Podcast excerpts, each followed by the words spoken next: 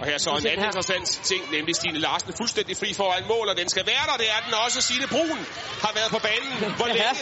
I øh, halvandet minut, og så kommer hun altså på måltavlen. Viser, at Danmark har en stor bredde i offensiven. Signe Brun med sit andet landskampsmål. Det første ligger faktisk øh, et par år tilbage i en kvalifikationskamp mod Kroatien. Men Signe Brun, Paris Saint-Germain, kommer altså ind og øh, scorer til 7-0. Ja, kommer også efter et fint angreb.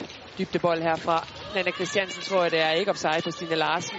Ina en lille offside på Signe Brun. Sige, men det kan vi være fuldstændig ligeglade med. Det kan Signe Brun i hvert fald være ligeglad med.